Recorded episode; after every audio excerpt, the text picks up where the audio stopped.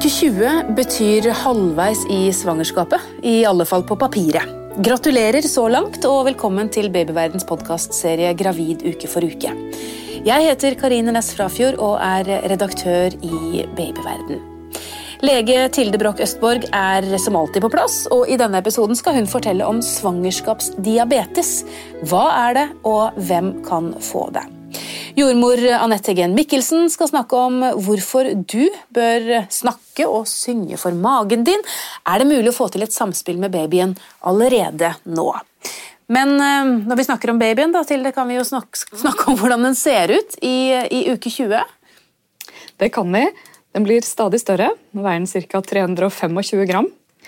Og Frem til nå så har aktiviteten til fosteret vært veldig variabel og ikke hatt noen sånne klare mønstre.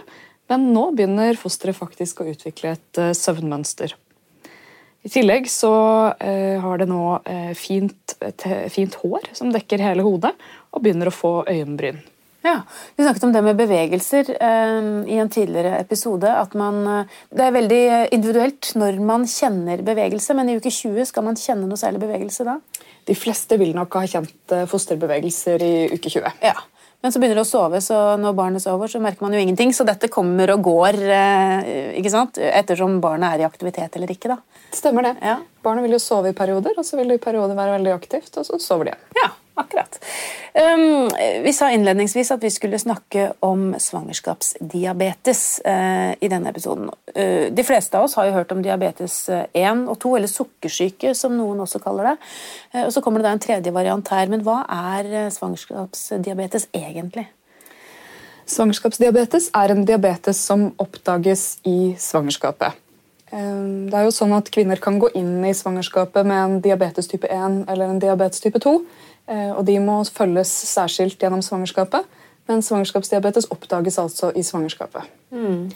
Og det er relatert til hvordan svangerskapet fungerer. Eh, det har nok opprinnelig hatt en slags evolusjonær effekt, fordi eh, det som skjer, er at den glukosen vi tar inn gjennom, altså det sukkeret vi tar inn gjennom kosten, det skal jo være tilgjengelig for fosteret.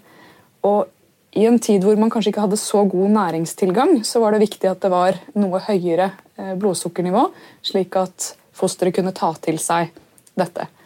Men nå som vi har et kosthold som er annerledes, så eh, har vi fortsatt denne effekten at vi ikke absorberer sukkeret like godt eh, i mors kropp. Eh, og overskuddet kan bli for stort. da, altså Det kan bli en feilregulering der. Um, og det som er med, med svangerskapsdiabetes, er at det gir veldig lite symptomer hos mor. Um, men det kan ha en del konsekvenser. altså Det øker risikoen for en del svangerskapskomplikasjoner. Oi, Hvilke da? Uh, først og fremst så snakker vi om um, at det øker, eh, øker, veksten til barnet. Det er på en måte det som, det som, blir liggende til grunn. At man lager større barn som kan være vanskeligere å eh, føde. Mm. Eh, som øker risikoen for at man kanskje må eh, hjelpe til med vakuum eller tang eller et keisersnitt. Um, og I tillegg så kan barnet ha dårligere blodsukkerregulering rett etter fødsel. At man må følge spesifikt med på barnet. Er noe av dette farlig? Det er klart at En ukontrollert svangerskapsdiabetes eh, kan utgjøre risiko for både mor og barn. Men du sier jo at um, det er svært få plager for mor eller for den gravide. Da. Hvordan vet man om man eh, har det? Nå er det sånn at I Helsedirektoratets retningslinjer slik de er nå, så finnes det klare regler for hvem som skal testes for svangerskapsdiabetes. Og Før så har man nok oversett en god del tilfeller av svangerskapsdiabetes, men ettersom eh, både sammensetningen av befolkningen har endret seg, kosthold har endret seg, og sånn, så ser vi en økende forekomst. Og eh, Internasjonalt og nasjonalt så har man regnet med en ca. 5 forekomst, altså ca. 1 av 20, men vi tror nok at det er mye mer vanlig. Ja. Så sånn som retningslinjene er nå, så skal syv av ti gravide kvinner testes en, lang, en, gang i løpet av andre trimester for svangerskapsdiabetes. For dette er ikke noe man kan oppdage tidlig? Man kan oppdage det tidlig. Um, og det er selvfølgelig hvis man har hvis det er en diabetes man går inn i svangerskapet med, at man har sukker i urinen eller den typen ting, men det er ikke noe god test for svangerskapsdiabetes. Man kan ha svangerskapsdiabetes og aldri ha hatt sukker i urinen på tester. Så måten det testes på nå, det er det vi kaller for en glukosebelastningstest. Aha. Det vil si at vi eh, sjekker først hvordan blodsukkeret ditt er etter en natt uten eh, at du har spist, altså et fastende blodsukker. Og så sjekker vi blodsukkeret ditt etter at du har tatt 75 mg glukose, drukket det. Ja og så tester vi eh, blodsukkeret to timer senere etter at du har sittet helt rolig. Ja, dette er en omfattende test. Da skal man sitte på legekontoret eller jordmorkontoret og så drikke dette? eller? Ja, det, Man møter om morgenen fastende, og så får man utlevert et, eh, et glass med, med glukose og vann som man skal drikke. Og så skal man sitte helt i ro, eller mest mulig stille, i to timer for å ikke forbrenne noe av dette sukkeret aktivt. Ja, og Da kan man eh, få se om man, man er rammet eller ikke. Ja, det stemmer. Hvem er det som er i risikogruppen? De som er i risikogruppen, er eh, overvektige, eh, eldre fødende, de som har eh, personer med enten type 2-diabetes eller erkjent svangerskapsdiabetes i familien. De med en eh, ja, asiatisk eller afrikansk etnisitet er overrepresentert. Ja, det, er de, det er de gruppene jeg kommer på sånn på stående fot. Er det noe man kan gjøre selv eh, tidlig for å forebygge, eventuelt? Eh, På vei altså Inn i svangerskapet bør man sørge for å ha en, en god helse. og har man, er, man svært, er man overvektig eller svært overvektig, så kan det være hensiktsmessig å ta en glukosebelastningstest før svangerskapet hvis man planlegger å bli gravid, for å utelukke at man på en måte går inn i svangerskapet med en diabetes. Eh, utover det så er det jo uh, de vanlige kostholdsrådene til Helsedirektoratet som gjelder her også. Altså å, å spise uh, ikke for mye, eh, og en varier, et variert kosthold med eh, kjøtt, grønnsaker og grove kornsorter. Og kanskje særlig det å unngå raske karbohydrater i svangerskapet. Fordi de gjør at blodsukkeret stiger raskt, og at de gjør at mye sukker blir direkte tilgjengelig for, for barnet. Ja, Og raske karbohydrater, det er Altså Først og fremst sukker, kaker, syltetøy. Alt det gode? Alt det gode. Heldigvis finnes det mye som er godt uten sukker også, men, Ja. men det er klart at mange av de tingene som man kanskje trekkes mot i et svangerskap, som kan være veldig søte, de bør man unngå. Og faktisk også hvis man ikke har en svangerskapsdiabetes. Hvorfor det? Eh, Vi vet at tannhelse er endret i svangerskapet, eh, sånn at det er nå en ting, men, men også eh, de leder jo til en vektøkning som man skal ha ja, i hvert fall respekt for i svangerskapet. Men dette med overvekt er jo blitt dessverre veldig vanlig. Eh, Og veldig mange er eh, overvektige.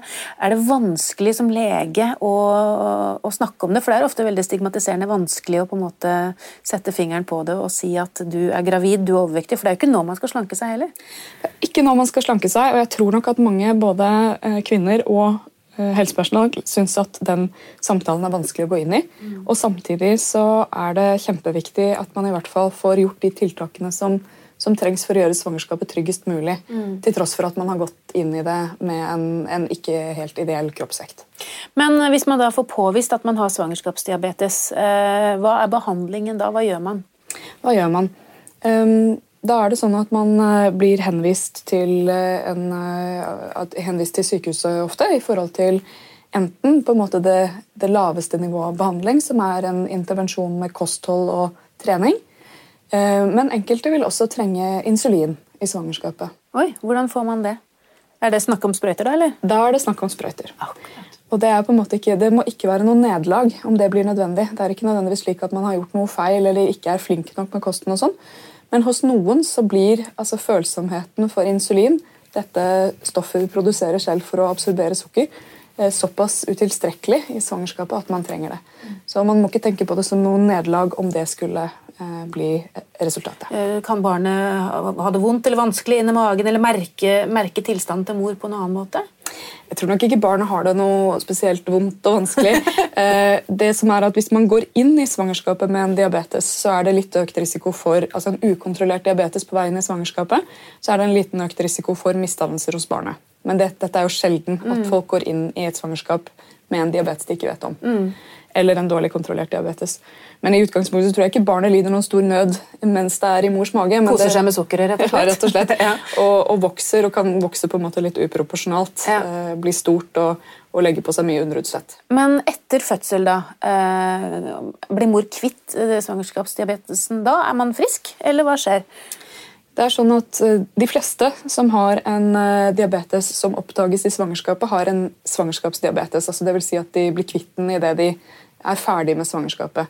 Noen få har en type 1 eller type 2-diabetes som var der fra før, men som man ikke visste om. Og de vil da ikke bli kvitt sin diabetes. Det som er viktig å være klar over, er at um, svangerskapsdiabetes er en risikofaktor for å utvikle diabetes type 2 senere i livet. Sånn at uh, det er uh, Man kan se på det som en lite sånn wake-up call i forhold til uh, fremtidig helse. Ja, for at Det å ha diabetes er jo én ting, men det igjen kan jo også føre til andre sykdommer. Stemmer. Men det er klart at uh, svangerskapsdiabetes er lenket til uh, diabetes type 2 som, som, har, uh, som, gir en økt risiko for en rekke ulike sykdommer i hjerte, nyre og i nerver i hender og føtter. Ja, Men egentlig så kan vi gjøre mye bare ved å spise sunnere, mindre og trene mer. Det er helt riktig. Ja. Men hva med barnet? Er dette arvelig? Er det sånn at Hvis mor har hatt svangerskapsdiabetes, så bør man også passe på barna sine? Når det gjelder Dette er jo årsaker som på en måte er knyttet inn i hverandre. Men det er klart at uh, i familier hvor en har type 2-diabetes, denne diabetesen som er knyttet til en nedsatt insulinfølsomhet i vevene, så er det en økt forekomst altså Det er arvelig. Mm. Sånn at Du kan på en måte si at svangerskapsdiabetes også er til dels arvelig. Men hvis man har eh, hatt svangerskapsdiabetes, født et barn, skal man da følge opp barnet sitt også mens det er holdt på å si, barn? Nei, Nei, i utgangspunktet ikke. Ikke utover eh, helt normal eh, barneoppdragelse. si. Kanskje unngå, unngå godteri i hverdagene. Ja, liksom, Holde seg til lørdagsgodtet, så er det godt nok. Mm. Ja, ja, men det var godt. Takk skal du ha, mm, Tilde Broch Østborg, som altså har snakket om svangerskapsdiabetes. Og hvis du lurer på mer om dette, så anbefaler jeg deg å søke opp podkastserien som heter Babyverden, for der har har vi et helt eget program, eller en helt egen episode som omhandler svangerskapsdiabetes. Nå tar vi en liten pause før vi skal få besøk av jordmor Anette Heggen Mikkelsen.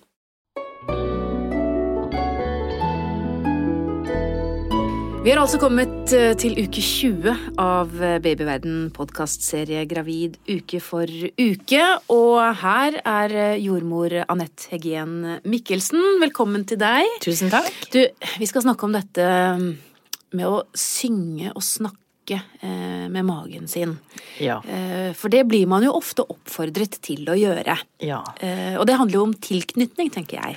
Ja, det gjør nok det. Og, og for noen, og kanskje for besteforeldregenerasjonen, så virker jo dette her antageligvis ganske så tåpelig. Er det mulig i det hele tatt at babyen hører noen ting som helst inni magen der, kan nok mange tenke. Og, og, for mange foreldre også så virker dette her kanskje litt sånn mystisk. At det skal være mulig å få noe tilknytning til barnet, eller at barnet hører deg såpass tidlig.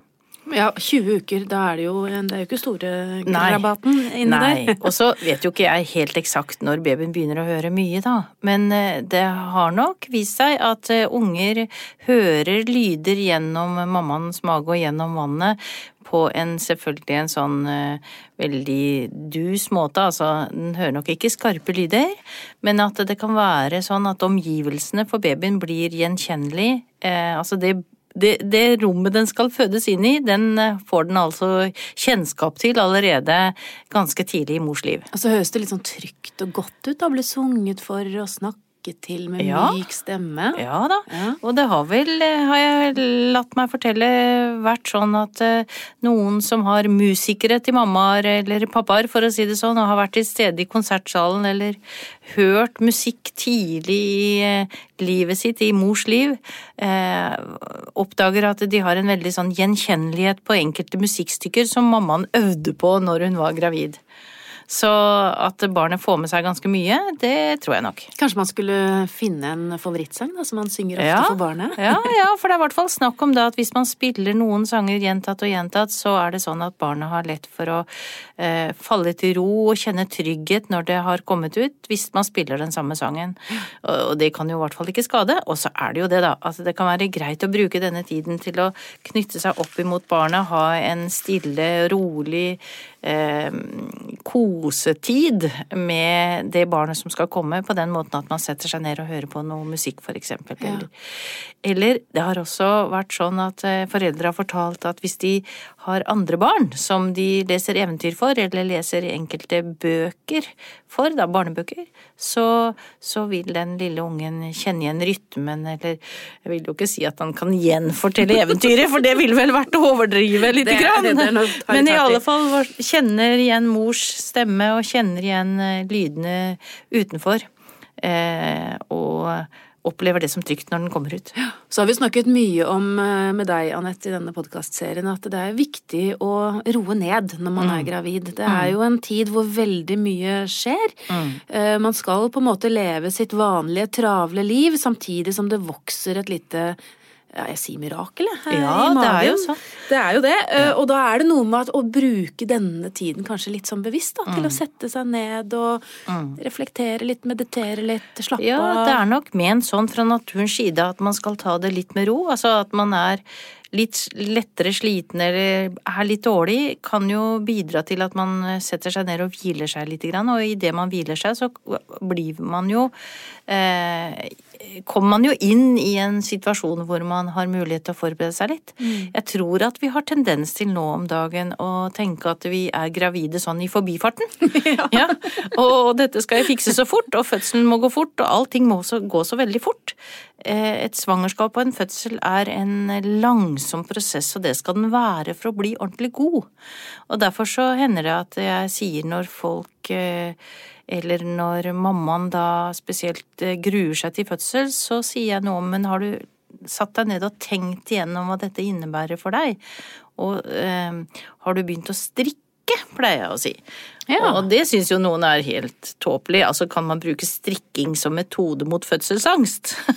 Det tror jeg faktisk man Og det kan. tror jeg man kan! Ja. Ja, fordi at det er faktisk noe å sette seg ned og sitte i ro og begynne å tenke på, eh, altså løkke for løkke på en måte, Ja. eh, hva det er man skal igjennom og hva man gleder seg til. Altså det å strikke babysokker, det tror jeg er veldig sunt med tanke på eh, at man skal forberede seg til det som jo er det viktigste her, da. At det kommer ut et friskt og fint lite barn. Eh, fødselen er jo et forbigående fenomen, kan jo jeg si. Eh, og det, man skal ta det på alvor at man gruer seg til fødsel, men, men det å ha hovedfokus på at nå kommer det et lite ja, et nytt lite familiemedlem, at det er eh, poenget. Og det, å- det høres ut som en klisjé det også, men det å være til Ja. stede i nuet, tenker Ja. jeg. Og det er jo lett å si, nå er det lenge siden jeg gikk gravid, men det er jo lett å tenke at det skulle kanskje nytt det litt mer, skulle kanskje vært Ja. litt mer til stede, skulle kanskje, det er jo lett å være etterpåklok, Ja. men det å være bevisst da, den, den situasjonen man er i akkurat nå. Mm, og så er det, tror jeg, ganske mange førstegangsmammaer som er flinkere til det enn naturlig nok, da, enn fleregangsmammaer eh, er. Eh, Fordi at man har jo ikke den samme tiden til seg selv. Men det er viktig å sette av tid til å eh, forberede seg eller nyte øyeblikket, som du sier. Og det fins jo mange metoder her. Altså strikking syns jeg er jo morsomt å fortelle om, da, fordi at det har jeg oppdaga selv at det er ganske mange som har god nytte av. Ja, og jeg begynte å strikke i voksen alder, må bare si det, og det er min yoga. Og da var du ikke gravid engang? Var ikke gravid engang, eh, men Nei. det er blitt min yoga, fordi det, det gir Ja. en sånn god, som du sier, Ja. en sånn rytme, en meditasjon, og du får slappe av på en veldig sånn fin måte. Ja, for man kan jo også bruke yoga. Altså, det, er jo en, det fins jo fødselsforberedende yogaer og gravide yogaer og sånn, og det, det er jo en eh, fin metode, det òg.